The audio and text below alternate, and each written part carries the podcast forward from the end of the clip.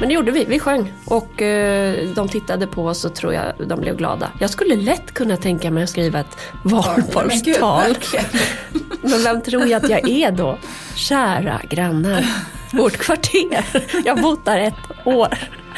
Ja.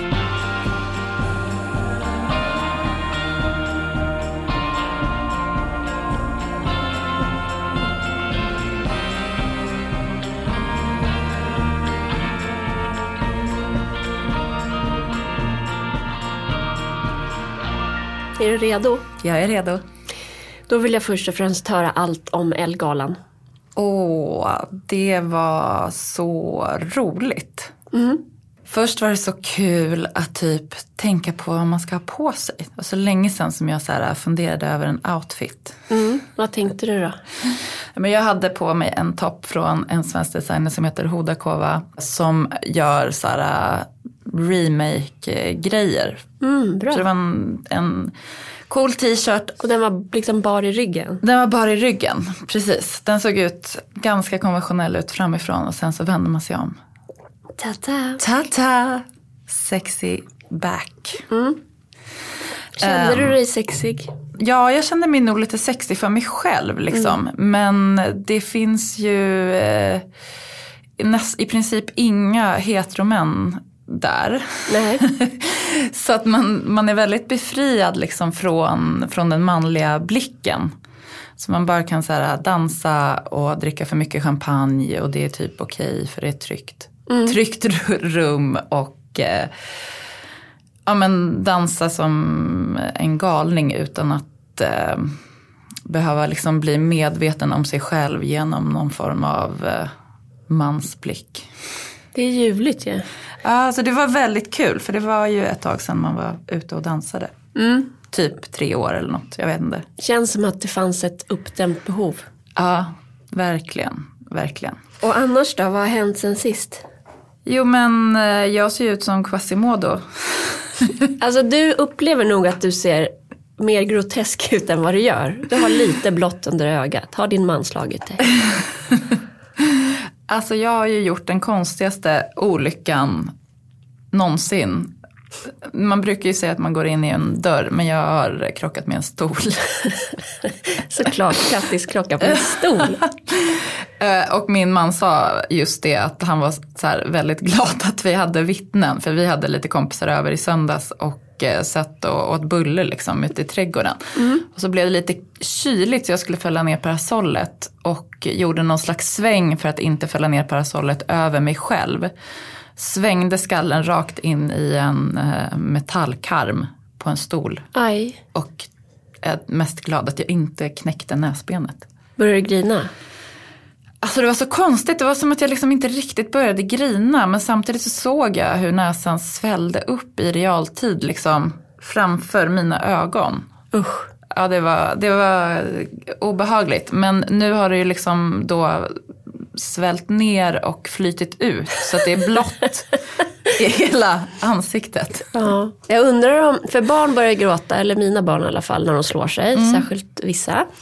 Eh, direkt. Jag undrar om den kopplingen försvinner när man blir vuxen. Att bara för att man slår sig, alltså så- gör jätte, jätteont, att det inte är kopplat till gråten längre. Ja, jag vet inte, för mina kompisar var så här, de bara, alltså gör det ont, varför gråter du inte typ? Nej.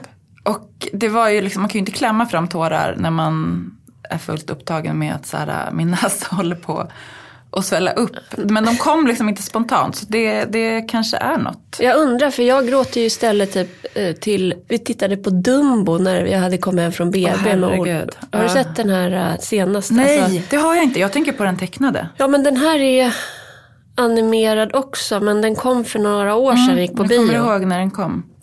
Och den, alltså när mamma, elefanten och bebisen då skiljs åt. Ja, Nu var jag ju också så här var post. nyutkommen Jo, men- bebis själv. Ja absolut, men då bröt jag ihop så barnen blev rädda. Men det är överhuvudtaget barn som far illa, elefantbarn eller människobarn som far illa. Då börjar jag grina. Eller andra mer emotionella grejer. Men när jag slår mig, jag krossade ju eh, ett finger typ Aj. under stenar när vi höll på att lägga rabatter.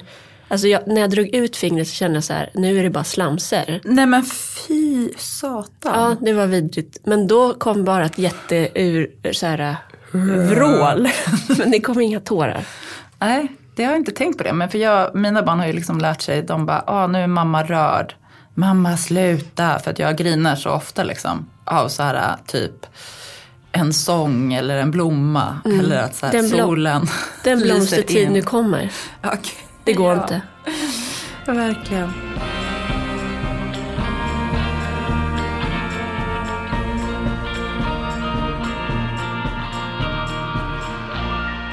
Sen var det ju eh, valborg också. Just det, i lördags. Hur, eh, vi har ju världens mysigaste lilla firande i vår, eh, vårt radhusområde. Med brasa och blåsorkester och i år blev det disco och sådär. Men du disco? Som, ja men vi hade en av våra grannar som höll ett litet tal för att området firar 70 år.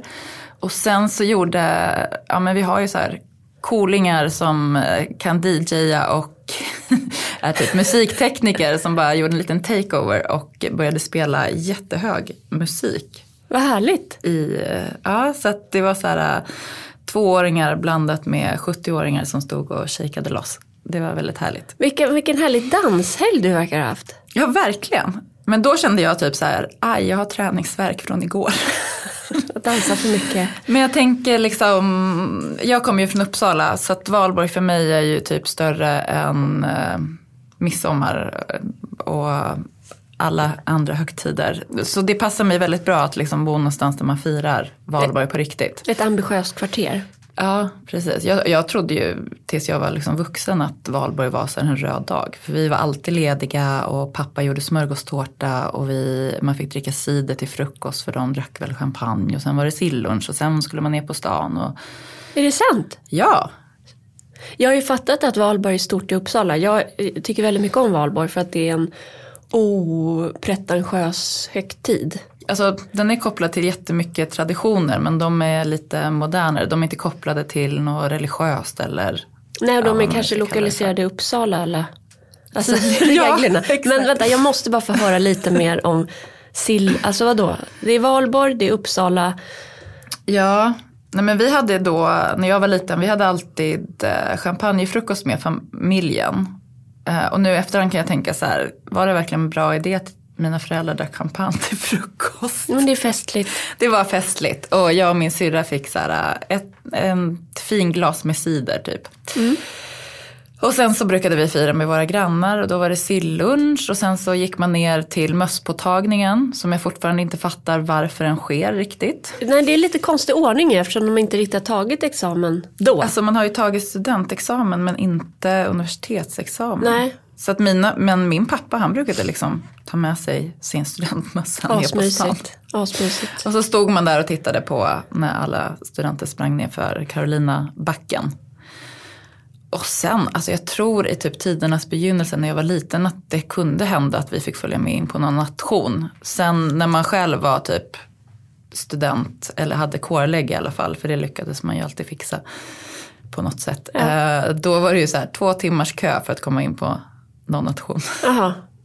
Det har eh, eskalerat lite. Verkligen. Mitt bonusbarn Måns, han åkte till Uppsala i, i år. Ja, ja, det var ju på en lördag också. Så det var ju och så var det så livsfarligt väder för det var liksom strålande sol. Ja. Så jag, han skickade bilder och då skrev jag bara, vad roligt, tänk på varannan vatten. Ja. För mina värsta fyllor har jag haft när jag var ung och det var valborg. Ja.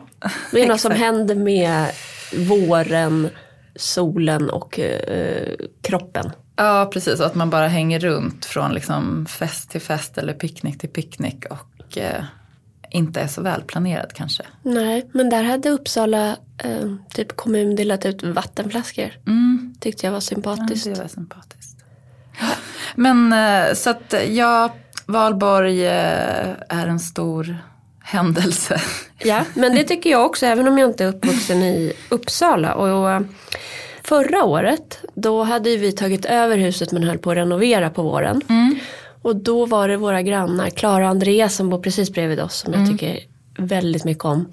De bjöd in oss till grannarnas valborgsfirande. Så vi fick träffa alla grannar innan vi hade flyttat in på det här valborgsfirandet. Gud vad mysigt också. Och då är det en liten brasa på allmänningen som liksom eh, är en liten gräsplätt där grannarna har eh, sparat ihop och köpt en studsmatta och det finns en gungställning. Så att det är också väldigt mysigt att nu barnen så här, de kan höra om någon hänger på studsmattan. Då, då, Ja. Det är mest Ivar då, men som springer ut och hänger. Så vi firade valborg med dem. Och eh, nu sjöng vi också, mina föräldrar var med. Eh, Ja. och jag vill ju att det ska vara vintern rasar Ja. och eh, högtid liksom. Det, på tal om att börja grina så kan jag börja gråta av den. ja. Och sen Håkan Hellström och så ska det vara. Men det här är ju mest typ managementkonsulter som bor i, i Saltsjöbaden. Så kulturen tror jag att vi får liksom mergea in, jag och, och um, Alex. Men det gjorde vi, vi sjöng. Och eh, de tittade på oss och tror jag de blev glada. Jag skulle lätt kunna tänka mig att läsa på om området och skriva ett Tal. Ja men gud, valborgstal. verkligen. Men vem tror jag att jag är då? Kära grannar, vårt kvarter. Jag har bott där ett år. Ja. ja men det var jättehärligt. För ett år sedan höll ni på att renovera och det är ju lite grann det vi tänkte prata om idag. Det här med att liksom bygga sitt eget hus eller göra en sån total renovering som ni har gjort. Ja. Ska vi börja från början? Ja, därför att jag vill minnas att jag läste någon så här helt otrolig historia om hur ni fick tag på det här huset på din Instagram. Alltså långt innan vi eh, ens hade DMat vårt första DM. Ja. Nej men det var så att Alex och jag träffades ju för 11 år sedan. Han bodde då i hus på Lidingö. Men är född på Söder. Och han hade skilt sig sedan fem år tillbaka och bodde själv i det där huset. Och jag bodde på Söder. Och hade ju då en liten Ingrid som var två och ett halvt och hennes pappa bor på Söder. Så det blev ganska naturligt att vi flyttade ihop. Först bodde jag själv ett år men så flyttade vi ihop eh, i en lägenhet här.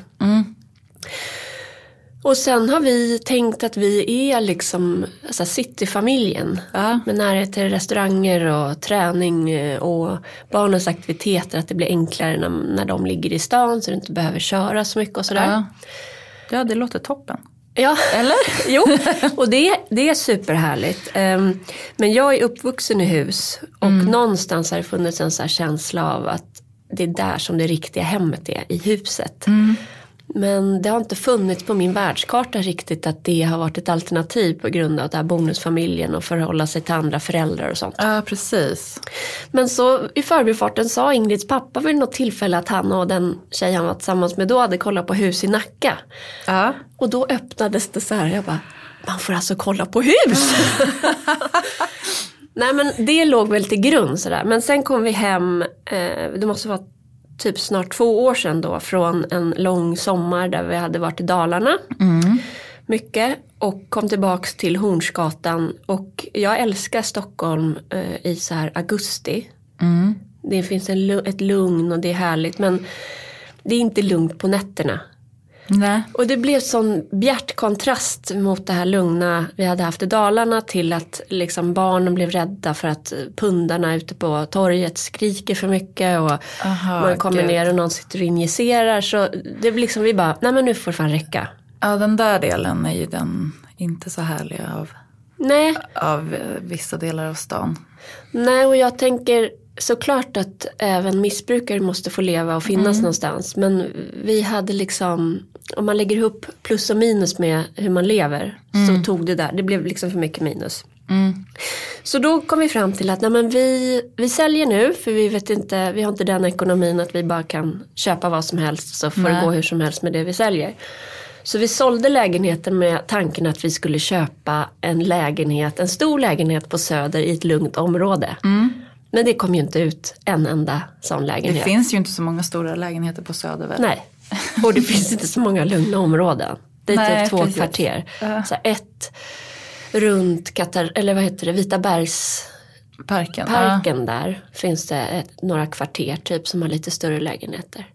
Så då, vi hade sålt, vi hade ingenstans att bo.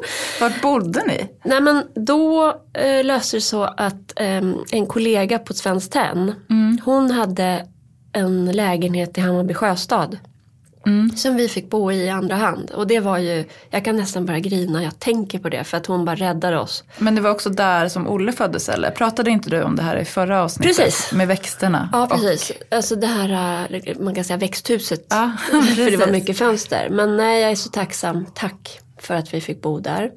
Men eh, då utökade jag sökkriterierna eh, på Hemnet för att jag fick inga träffar på Söder. Är, det liksom, är du den som sköter Hemnet knarkandet eller gör ni båda det? Jag knarkare, Alex är mer liksom executive. Alltså han söker och hittar något. Det här är, det här är rätt. Medan jag så här, har en, eh, ett adrenalinpåslag. Jacke tvingade mig att radera Hemnet-appen. Så här, ögonblicket vi hade skrivit på papperna för radhuset. För att jag blir ju tokig. Ja men det är så många, Manisk, ja. det är så många möjliga alternativ på sitt liv. Mm, det är så många potentiella framtider. Ja, verkligen. Som är härliga där. Nej, men så jag utökade till eh, Birkastan då. Och så, och så bara som i en så förbifart så tittar vi också lite på hus. Bara för att man också när man säljer och ser oj vi fick ju ganska bra för det här. Det har varit Ja. sådana sinnessjuka prisökningar. Ja.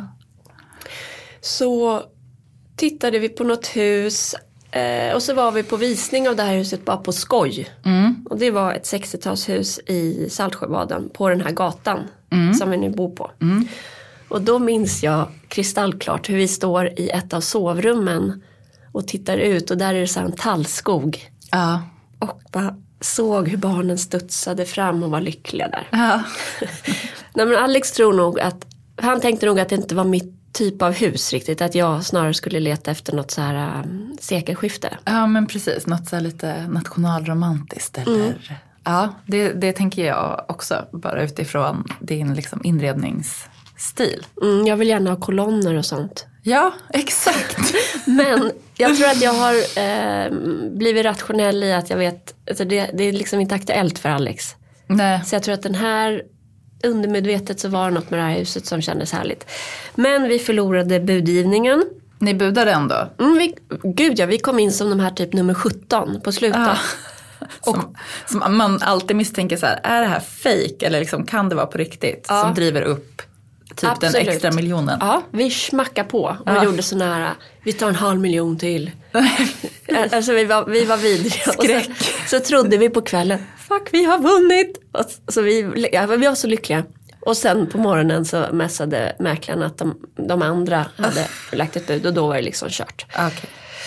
Men eh, då var jag ju eh, hyfsat, det här var höst och jag var gravid och väldigt målmedveten att vi ska bo här. Så då skrev jag ett brev. Som, eh, som beskrev att vi, vilka vi var och varför vi ville bo på den där gatan. Alltså det var exakt den här gatan? Mo- För att det ligger mot ett naturreservat så det är Ja. skog bakom. Ah, Okej. Och det var vi, jag, Ja, det låter ju underbart. Ja. Och sen var det söndag och det regnade och eh, Alex gick snällt med mig och delade ut lappar i hus från 60-talet som vette mot den där skogen. Och jag vet att han tänkte så här att det här, ingen trodde nog att det här skulle ske liksom. Det var mest så här, det här är en gravid kvinnas sista önskning typ. Ja, det är bara, Nu gör vi som man får välja säger. sina strider. Och så tror du inte dagen efter att jag får ett telefonsamtal av en härlig kvinna som heter Linda som bara hej, jag har fått en lapp i min brevlåda. Nej, Jo. alltså det här ger mig sådana rysningar. Det är nog det, eh, jag, har, jag skrev ju om det här på Insta och jag tror att jag har givit ut exakt hur vi skrev brevet till så här 20 personer. Så, Så att det kanske inte är så unikt längre. nej. Alla bara bytte ut namnen och bara, här vill vi bo. Nej men så då kom, det här var då ett gul, eller är ett gult katalogshus, alltså gult tegel. Katalogshus från 60-talet. Inget, som det där andra huset var liksom lite mer arkitektigt. Ja. Inget sånt. Men det låg, eh, läget var liksom outstanding. I suterräng med skogen bakom. Och jag har alltid tyckt, fram till typ jag fick någon slags relation med Svante och Niklas som jag också pratade om förra gången. Men alltid tyckt att gula tegelhus från 60-talet är bland det fulaste som finns. och jag tror att det finns ganska många som tycker det. Men jag vet inte vad som hände med oss då men vi blev, vi blev liksom kära i den där platsen. Och Linda som sålde behövde komma vidare i sitt liv och, och vi, det liksom klickade. Ja, det är Så, otroligt. Det är faktiskt otroligt. Mm.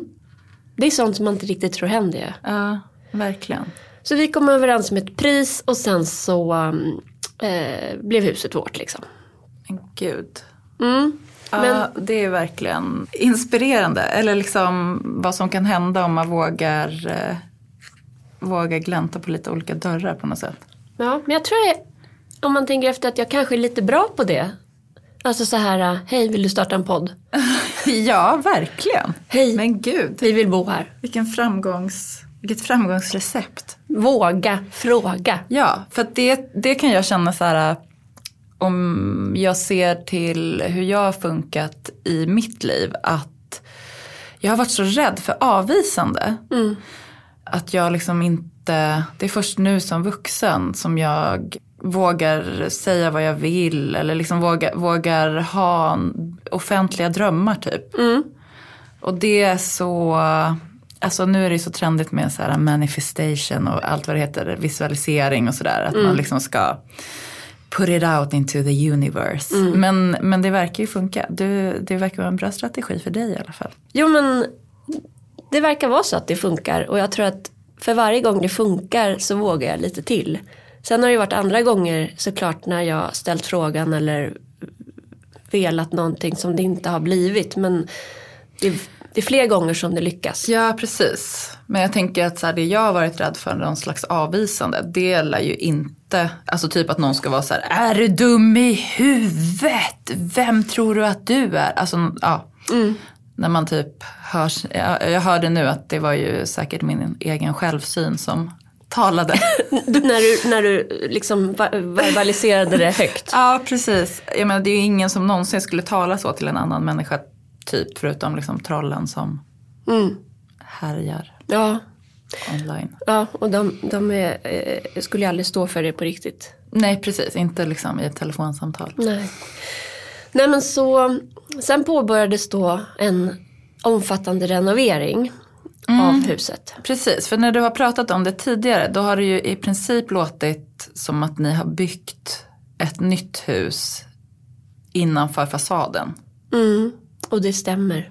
På ett sätt så vill ju vi eh, ge det här huset en stark egen identitet. Mm. Så att det behövdes tas om hand och dessutom så var det det visar sig sen, sen, när man har besiktning och så att det var ju väldigt fuktskadat. Just det, det var de här dubbla bottenplattorna. Ja, och det var dubbla bottenplattor, ja. det var asbest och massa skit. Så att det var, var väldigt tydligt så här, vi måste göra om mm, massa mm, det saker. Det fanns ingen chans att tänka så här byggnadsvård, vi ska liksom Nej. behålla 60-tals inte ner till bottenplattan men Nej. däremot då det här gula teglet valde vi att inte putsa vitt till mm. exempel utan att ja, men det som står och är friskt och mår bra det behåller mm. vi. Och sen så har vi fått göra om väldigt mycket från bottenplatta ända upp till sista takpannan. Mm. Vi drömmer ju om att bygga ett sommarhus eftersom vi har fått en eh, tomt av eh, mina svärföräldrar en tomt utanför Knivsta i liksom anslutning till deras släktgård. Wow. Ja det är härligt. Men jag inser nu när vi pratar att jag bara så här, hmm, bottenplatta. Alltså, vi har två fantastiska vänner som är arkitekter som har ritat ett fantastiskt hus. Så det finns liksom ritningar. Men jag är så rädd att, eller det känns omöjligt nu för att priserna har ju gått upp. På material och sånt. Material, ja trä och armeringsjärn och plåt och allt. Alla sorters material gick ju upp jättemycket under eh, covid och sen nu ännu mer under sen kriget, eh, anfallskriget i Ukraina började. Men jag känner ändå att så här, ja, nu vill jag liksom gå in man bara, bottenplattan, hur byter man ut en bottenplatta utan att byta ut liksom hela huset? Mm, det, det tror man ju inte går. Står Nej, det inte exakt, på plattan? Exakt, det var det jag kände nu. Jag bara, hmm, det här med jag, jag är ingen byggnadsingenjör. Nej, tack och lov är, alltså, jag är inte heller det, men tack och lov så har vi haft bra hantverkare. Och, och Alex har koll på sånt här. Men det vi gjorde när du pratade lite budget där var mm. om man vågar eller ej, det är att vi tog in offerter från flera. på vad det skulle kosta. Var det här innan ni visste hur liksom sketet det var? Eller? En del av det var innan vi förstod hur omfattande mm. liksom, de här fuktskadorna och så var. Och då var de budgeterna lite över, alltså de offerterna var över vår budget. Ja. Men både Alex och jag var så här, ja men det måste gå att göra bättre. Det, det fixar vi. Ja. Sen så kom ju liksom corona, effekterna av höjda priser och allt det här mm. du nämner. Så det blev ju typ tre gånger så dyrt som vi hade tänkt. Det blev det? Ja.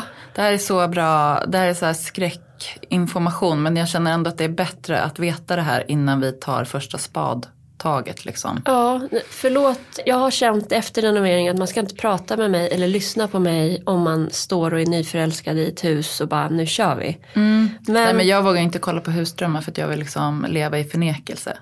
Ja, och på tal om husdrömmar och andra liksom inredningsprogram där man ser en verklig familj med sitt husprojekt och så typ skrattar Gert lite så här att ja, den här mm. tidplanen och, och budgeten kommer inte hålla. Så har jag tänkt förr, fan vad naiva dumma huvud de är.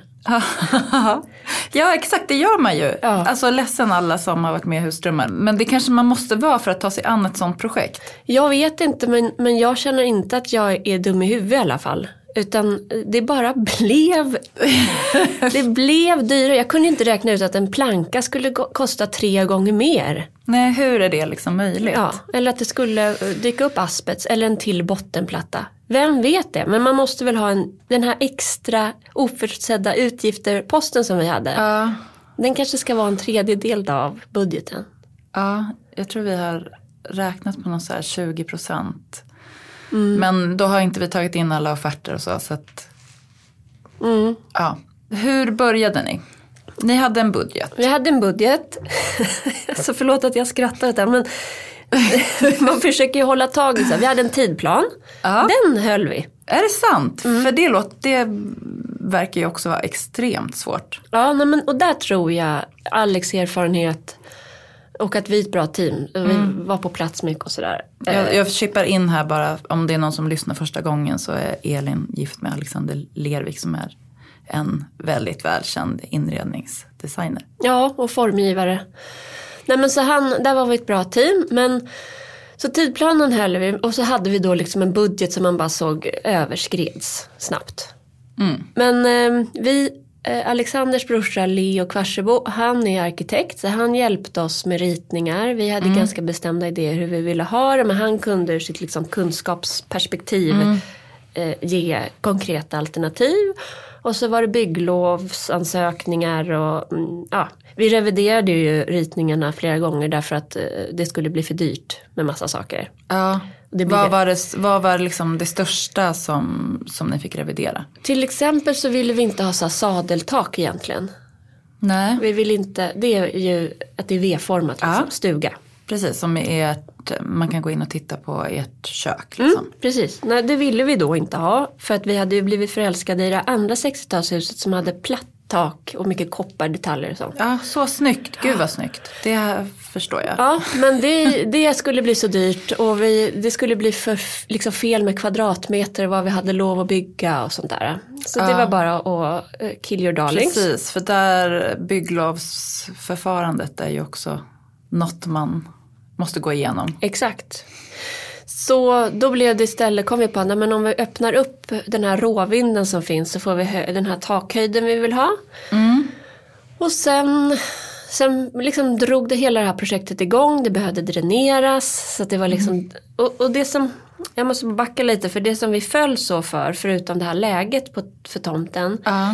Det var ju att det var en etablerad trädgård ja. från 60-talet. Någon hade liksom brytt sig och det tyckte vi var viktigt för vi jämförde med någon hustomt där då när vi under de här två veckorna typ ja. gick från lägenhet till husidén. Ja. Men jag prioriterar också Alex att eh, bo i ett område med liksom en mix av arkitektur från olika tidsepoker. Mm. Och att det är en etablerad tomt och inte i ett för detta sommarhusområde. Mm. Sen har jag en granne, eller nej, jag har en kollega på Svenskt Tenn som är, de köpte en tomt och byggde sitt hus. Mm. Typ Kummelnäs kanske. Mm. Det är så fint. Jag vill inte veta vad budgeten var där. Alltså jämfört med att köpa ett hus i ett etablerat område och bygga om det. Ja, gud nu måste jag slänga in det här Bruno Mattsson-huset i Kungsör. Ja. Ja. Det ser ju så fantastiskt ut. Men det jag har hört av några vänners vänner som var där och tittade på det Ja. var att det inte fanns någon trädgård och så ligger det precis vid en 50-väg. Eh, och trädgård är ju viktigt. Plus vilket ansvar att ta sig an ett sånt orört ja. konstverk. Jo men när vi ändå är inne på Bruno Mattsson måste jag då eh, säga att vi också kollade på ett Bruno Mattsson hus som han ritade för eh, Alice Babs i Saltsjöbaden. Aha. Men gud. Ja men det var faktiskt lite sönderrenoverat. Det fanns ju fina delar kvar men och sen låg det på ett sätt så jag kände att det var ingen bra energi, energi och karma där. Jag, vi, jag vill inte ha det. Oj. Ja, Sen otippat. Men det är svårt med eh, det är svårt att renovera bra. Ja, och där, det kan jag verkligen, ehm, när man ser så många hus som renoveras överallt eh, och också att vi har varit i den processen själva. Dels kan jag bli typ äcklad av att man bara river ut så här fungerande badrum och kök och, för att man vill ha en annan stil. Verkligen. Eller typ så här. eh, Nu är det inte Carrara-marmor som gäller längre. Utan nu ska det vara den här eh, lila. Ja, Kraftfullt marmorerade Ja. stenen liksom. men det tycker jag är obehagligt. Ehm, och sen också eh, att man kanske inte har en känsla för huset och arkitekturen eller liksom att ta tillvara på det. Men det är, Ja, precis. För då behöver man ju ha hjälp kanske av någon ja, som känner till årtionden och stilar och liksom bryr kan se också vad som har varit där innan. Nej men så med, med huset så har vi försökt återanvända allting som har gått att återanvända. Vi sätter ju in nya fönster mot skogen för det fanns inga fönster mot skogen i det här huset. Men det är ju lättare att ta sig an då ett hus som är lite mer eh, identitetslöst, tänker jag. Ja och det är lite ett tips. Ja, Att titta på de fula husen också.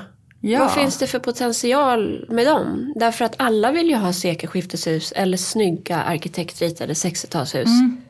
Och har man inte obegränsat med pengar men prior- prioriterar det här med läge, tomt och sånt. Men det är så kul att du säger det, för att jag var på en pressresa till Varberg här om veckan och pratade med en stylist som har gjort precis det. Alltså, de köpte ett 70-talshus, det var också i Saltis. Som hon kände så här, vi kan, det är redan fult renoverat. Alltså det var fult från början, det är ännu fulare renoverat, Ja. jättefula fönster inne. Så hon kunde liksom se det lite grann som ett blankt papper. Och så har hon hund och hon var så här, "Ja, men jag kan gå runt bland de här liksom, nationalromantiska husen och njuta av dem på hundpromenaden istället. Och sen, ja, så kunde de köpa det där huset för att annars hade de inte haft råd. Nej men jag, jag tänker att man kan titta en gång till på hus som först på Hemnet känns som så här, nej men det här är inte min grej. Så vi satte in de här fönstren mot baksidan och då frigjordes ju um, gula tegelstenar. Och billigast hade varit att bara smacka bort dem och slänga dem. Men Det är ju så sjukt. Hur kan det liksom vara lagligt? Jag Ja, fattar nej, inte det. det Hur kan det lagligt. vara billigare? Det är, liksom, det är ju systemfel. Ja, men eh, vi valde att de skulle liksom tvätta alla de här tegelstenarna och de Ah, åkte på någon liten bra. så här planka ner som en hiss till en... Ja men de fick väldigt mycket kärlek och så Ja. fick de flytta till en eh, utbyggnad som vi gjorde istället.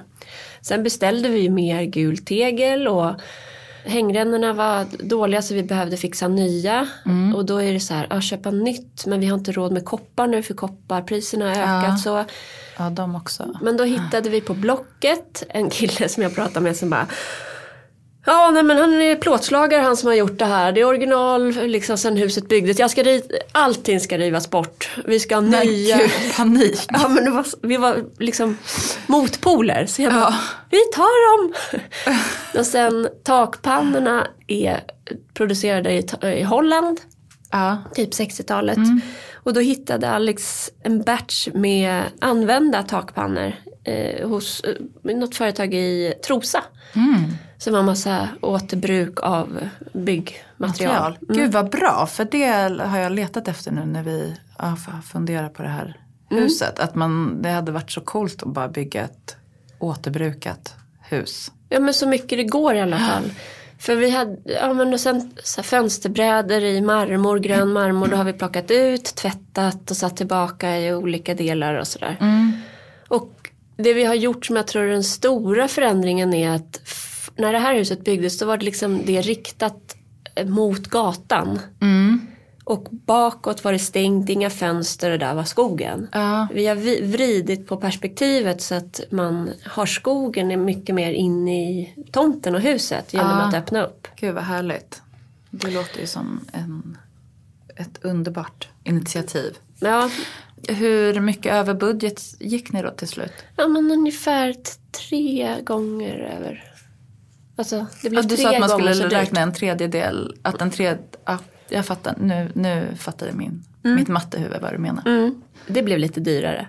Men det har varit otroligt Jag ångrar ingenting. Men tack och lov att vi inte visste det här innan för då hade vi inte gjort det. Nej, exakt. Och då, det som du sa då, naiv. Mm. Man kanske måste vara naiv för att ge sig in i ett sånt projekt. Ja, Och det är det som speglar sig i liksom, husdrömmar eller alla de här.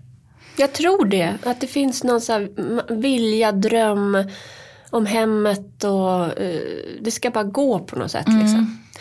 Men det, det som har varit väldigt kul är ju eftersom Alex är formgivare så har ju många produkter nu liksom som kommer från vårt hus kommer ut på marknaden.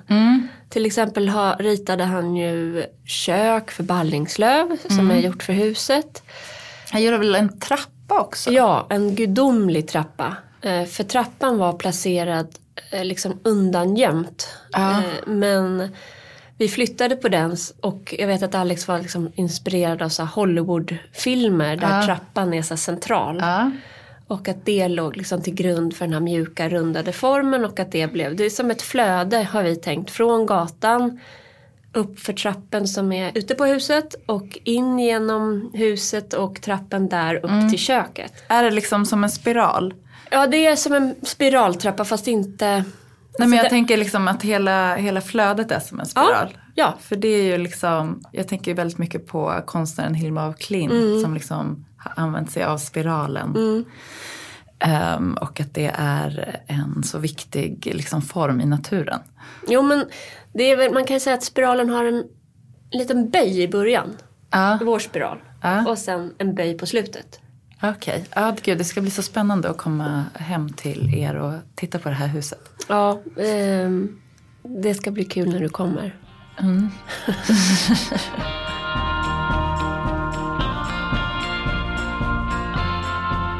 Okej, så budgeten tre gånger över. Men jag känner ändå liksom att eh, nu har ju du kommit ur den här processen.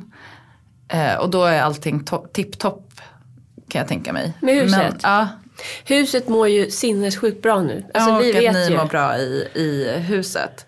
Men vad, jag vill liksom ändå höra mer om de här, eh, alltså de stora katastroferna. du vill in och grotta där, jag fattar det. Nej men jag skulle säga att dels att frakta bort massor. Mm. Förstår du vad jag säger nu? Alltså stora mängder material. Ja, som har bilats ut. Svindyrt. Jag ser for- fortfarande när jag ser lastbilar Ja. med massor så är det som dollartecken som svischar Det förbi. är så svårt för mig att fatta att det kostar jättemycket pengar. Nej men och där är väl då att det är bra med att det ska sorteras på något sätt eller tas hand om Mm. på något sätt. Men alla de här äh, lastbilarna som har fraktat bort de här dubbla bottenplattorna Mm. till exempel. Flera hundratusen kronor.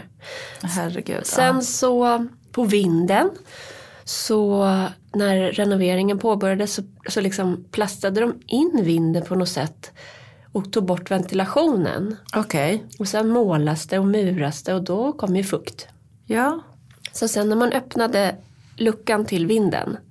Jag har faktiskt känslig näsa även om vi inte tror det med porslinsblommorna som vi pratade om i typ avsnitt ett. Eller hönsgödslet. Ja fast det kände jag ju luktar illa.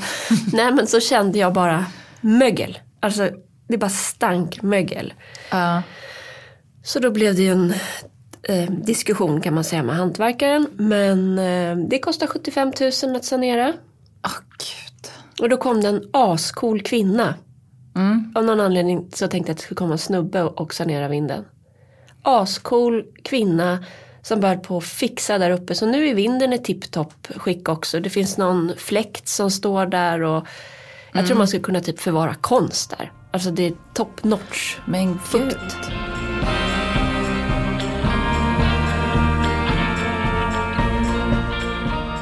Och apropå konst, du liksom hade ju med dig ett paket här idag. Ja, för nu på morgonen när vi eh, skulle ses så swishade jag förbi posten. Därför att det finns en kille som heter Karl-Erik Halldén. Följ honom på Instagram. Ja, jättemysigt konto. 100% hemtrevligt. Mm, verkligen.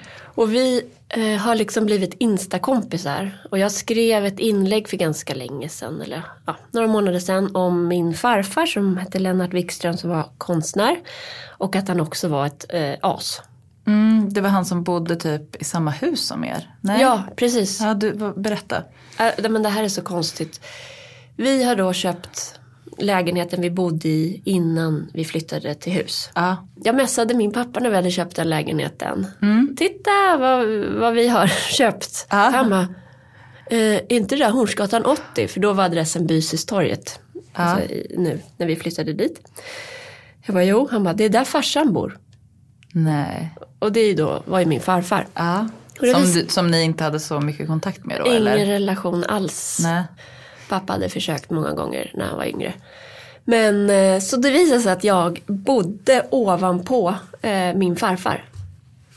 Nej, det är så sjukt. Så vi har träffats, vi åkte hiss en gång. Och då stod jag med honom och ser så här när han trycker på hissknappen att han har liksom exakt min pappas händer. Men gud vad sjukt. Och han visste inte vem du var? Eh, inte eh, officiellt, sen vet jag inte Nej. om han visste det eller ej. Men han har gått bort. Ja, long story, alla har vi liksom något arv av varför man blir som man blir. Men han var kanske inte världens bästa pappa eller farfar. Nej. Och det här skrev jag om på Instagram. Och då hör den här Karl-Erik av sig bara, men skojar du med mig? Mina föräldrar bodde ju granne med dem på landet i Skuru. Nej, Så han skickar en bild på en tavla han har från honom som han hade fått i studentpresent tror jag. Men gud. Och nu när jag fyllde 40 så postade han den och skickade den till mig i present. Uh, apropå att vara så här lättrörd. Nu känner man ju nästan en liten tår.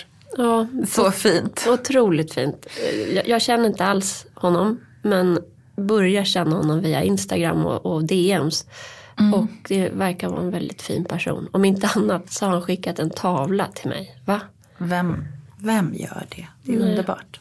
Och också eh, allt det fina som finns på Instagram och i sociala medier också. Verkligen, det vill jag eh, ofta lyfta för att det är så lätt att se allt det negativa. Men jag tycker det är en i stora drag kärleksfull och varm plats. Ja, jag tycker också det. För mig personligen 99,9 procent kärlek. Och jag tror att just under corona så växte liksom eh, vikten av Instagram växte för mig. Jag tror för många andra också för att det blev ett socialt utbyte där. Eh, Ja, precis. som man inte fick genom fysiska möten. Så ja, men jag är så himla glad. Tack för tavlan. Ja men det känns som att det finns liksom tusen saker till att berätta om med det här huset och, och renoveringen och lärdomar vi har dragit som vi, jag gärna delar med mig av till andra. Jag känner liksom att den finaste lärdomen var ändå det här med att typ våga stoppa en lapp i en brevlåda. Mm, faktiskt. Ja, Våga fråga. precis. Nu är det fredag. Ja, nu är det fredag igen. Ja, Vad snabbt det går. vad ska du göra i helgen? Jag hade egentligen tänkt ha min 40-årsfest men nu har jag skjutit på den till efter sommaren. Och det Mm. Kommer jag bli bjuden? Ja men då kanske vi hinner känna, lära känna varandra så pass mycket. För du är ju bjuden på min. Exakt, jag måste osa till den. Ja. Det är säkert för sent, men jag gör det ändå. Ja. Eh, så nu kanske jag ska gå på en annan 40-årsfest. Men framför allt så vill jag faktiskt ha tid att eh, påta lite i trädgården. Oh yes. Oh yes. Det ska jag också göra. Ja, Förra, alltså valborgshelgen, det var första gången jag kände att jag var lite, ursäkta uttrycket, men rövknullad av min trädgård. att det var liksom lite för stor mumsbit. Att jag har sått för många fröer. att jag har liksom dragit upp för många stenar. Ja. Men sen lugnade det sig lite grann och nu, nu så ser jag positivt på helgen och att vi ligger lite i fas. Ja, gud. Jag är typ så här, de där pallkragarna kanske ska sättas ihop och så måste jag få tag på lite gödsel eventuellt. Mm, bra, jordförbättra nu. Ja, väldigt låga ambitioner. Det är skönt. Hoppas ni alla får en fin helg. Om ni har trädgård, ut i den. Och annars njut av resten av livet. Ja, och eh, dansa för det var sjukt härligt.